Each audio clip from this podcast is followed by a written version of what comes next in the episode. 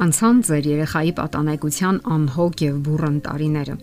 Նա կյանքի մեկ այլ փուլ է մտնում՝ երիտասարդական փուլը։ Ձեր արժև հառնում են միանգամայն այլ բազմազան հարցեր, բազմազան խնդիրներ։ Թեպետ երեխան նույնն է եւ դուք լավ գիտեք նրան, սակայն իրավիճակը բոլոր դեպքերում փոխվել է, առաջացնելով նոր մարտահրավերներ։ Հասկանալի է, որ ոչ մի ծնող հենց այնպես չի բաժանվում երիտասարդներից, սակայն լինում են դեպքեր, երբ հենց այդպես էլ պետք է վարվել։ Տարբեր են իրավիճակները տղաների եւ աղջիկների դեպքում։ Շատ աղջիկներ արդեն 18-ից 20 տարեկանում ընտրություն են կատարում եւ լքում հայրական օջախը։ Նրանք պարտավոր են ինքնուրույն ապրել, ինքնուրույն որոշումներ ընդունել եւ ոչ քիչ դեպքերում ճակատագրական։ Եվ վերջապես, չէ՞ որ կյանքի ընկերոջ ընտրությունն արդեն ամենալուրջ որոշումներից մեկն է։ Տղաների դեպքում բնականորեն առաջ է գալիս բանակում ծառայելու հարցը։ 18 տարեկանում նրանք պետք է զորակոչվեն բանակ եւ անցնեն կյանքի հասունության պատրաստող դպրոցներից մեկը։ Ծնողները պետք է պատրաստ լինեն դրան։ Եվ ոչ քիչ դեպքերում նրանք վերադառնալուց հետո արագ որոշում են կայացնում եւ ամուսնանում։ Նրանց հետագան արդեն կախված է իրենցից, թե ինչպես են պատրաստվում կառուցել ընտանեկան բույնը։ Ինչպես են պատրաստել նրանց ծնողները այդ պահի համար։ Իսկ մինչ այդ նրանք դեռևս ցավոտ հարվածներ են հասցնում ծնողներին։ Հակասականությունն այստեղ այն է, որ միայն մեր երեխաներն են ընդունակ այդպիսի ցավոտ հարվածներ հասցնել մեզ։ Ինչպես վարվել նման դեպքերում։ Շատ գեղեցիկ ու մեծադղորդ խոսքեր կարելի ասել կամ իմաստասիրական մտահայեցումներ անել, սակայն է մի բան, որ գոյություն ունի հավերժական բախում սերունդների միջև, եւ այդ բախման ժամանակ երբեմն վերքեր են առաջանում ընդ որում երկուստեք։ Ծնողները կրթում են երեխային, ինչեւ որ նա հասունանա։ Ահա սա է հավերժական պարտականությունը։ Ծնողները պայքարում են, ջանքեր թափում, աղոթում եւ հուսում։ Հաճախ իրենց ամենամեծ մեղավորն են զգում։ Իսկ որքան պետք է շարունակվի դա։ Պարզապես գալիս է պահը, որ հարկավոր է հաշտվել արդեն գոյություն ունեցող իրավիճակի հետ։ Այլևս կարիք չկա որ հավերժորեն տանջեք ձեզ։ Հաշտվեք այն ամենի հետ, ինչ արդեն եղել է եւ կա։ Արցունքները գործին չեն օգնի, չեն ազատ ագրի ցավից, սակայն ծնողները միանգամայն կարող են որոշում ընդունել, որ պետք է հույսով նայեն ապագային։ Նաև կարիք չկա նայելու կյանքի միայն բացասական կողմերին կամ էլ մեր երիտասարդների բացասական որակներին։ Ապագան դեռևս արժևում է։ Պետք չէ կորցնել ապագայի հույսը պետք է ամուր մնալ։ Ահա թե որտեղ է ելքը։ Պատահում են իրավիճակներ, երբ մեր երեխաները անկախության մարտեր են մղում։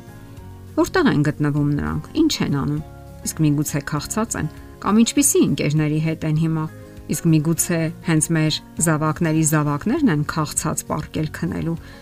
Ահա թե որտեղ են պետք գալու ժամանակին տրված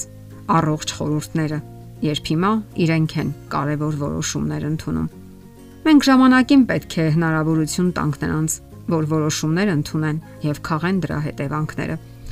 Իհարկե հնարավոր է լինեն պահեր, երբ թվա թե պարզապես սուզվում եք կյանքի հորձանուտում։ Թվում է վիճակն անհույս է, սակայն ելք եւ հնարավորություն միշտ էլ կա։ Դրանք կարող են լինել այն պահերը, երբ տեսնում եք, որ ձեր երեխան արդեն ծխում է եւ ոչինչ չեք կարող անել բռնի միջոցներով։ Նա կարող է зерքը վերցնել օղու բաժակը, կարող է նույնիսկ թմրանյութային կախվածության մեջ հայտնվել։ Դուք նույնիսկ դժվարանում եք հավատալ դրան, սակայն կյանքում կան նման օրինակներ։ Դա կարող է պատահել յուրաքանչյուրի հետ։ Դժբախտությունն այն է, որ ժամանակները փոխվում են։ Այսօր ծխախոտը, ալկոհոլը, թմրամոլությունը իր ոսկրոտ ամենահաս ձեռքերն է մեկնում Եթե այն դեռևս չի դիպել ձեր ընտանիքին, ապա երաշխիք չունեք, որ մի պահ չի բախի ձեր դռները։ Կար մի ժամանակ, որ մտածում էին, թե թմրանյութերի դիմում են վատ դաստիարակված դեռահաս հանցագործները, սակայն ողջվում է, որ դա այդքան էլ այդպես չէ։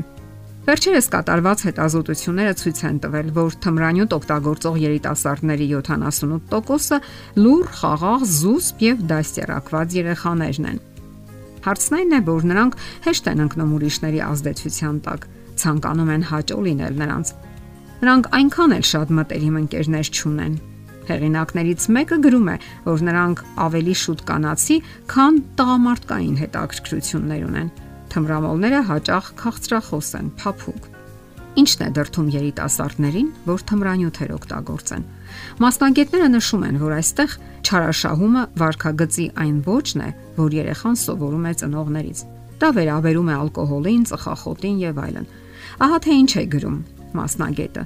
Բոլոր երեխաները նմանակում են ծնողներին։ Եթե հայրերն ու մայրերը իրենք հետևում են վարքագծային այդ ուղղությանը, որը ցանկանում են տեսնել իրենց զավակների մեջ, ապա առավել հավանական է, որ նրանք հաջողության կհասնեն։ Սակայն եթե երեխան տեսնում է, որ հայրը կամ մայրը ամեն առավոտ հաբեր են կուլ տալիս, որpիսի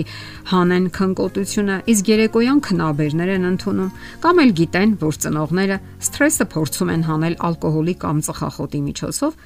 ապա ամենայն հավանականությամբ նրանք կնմանակեն նրանց վարքագիծը։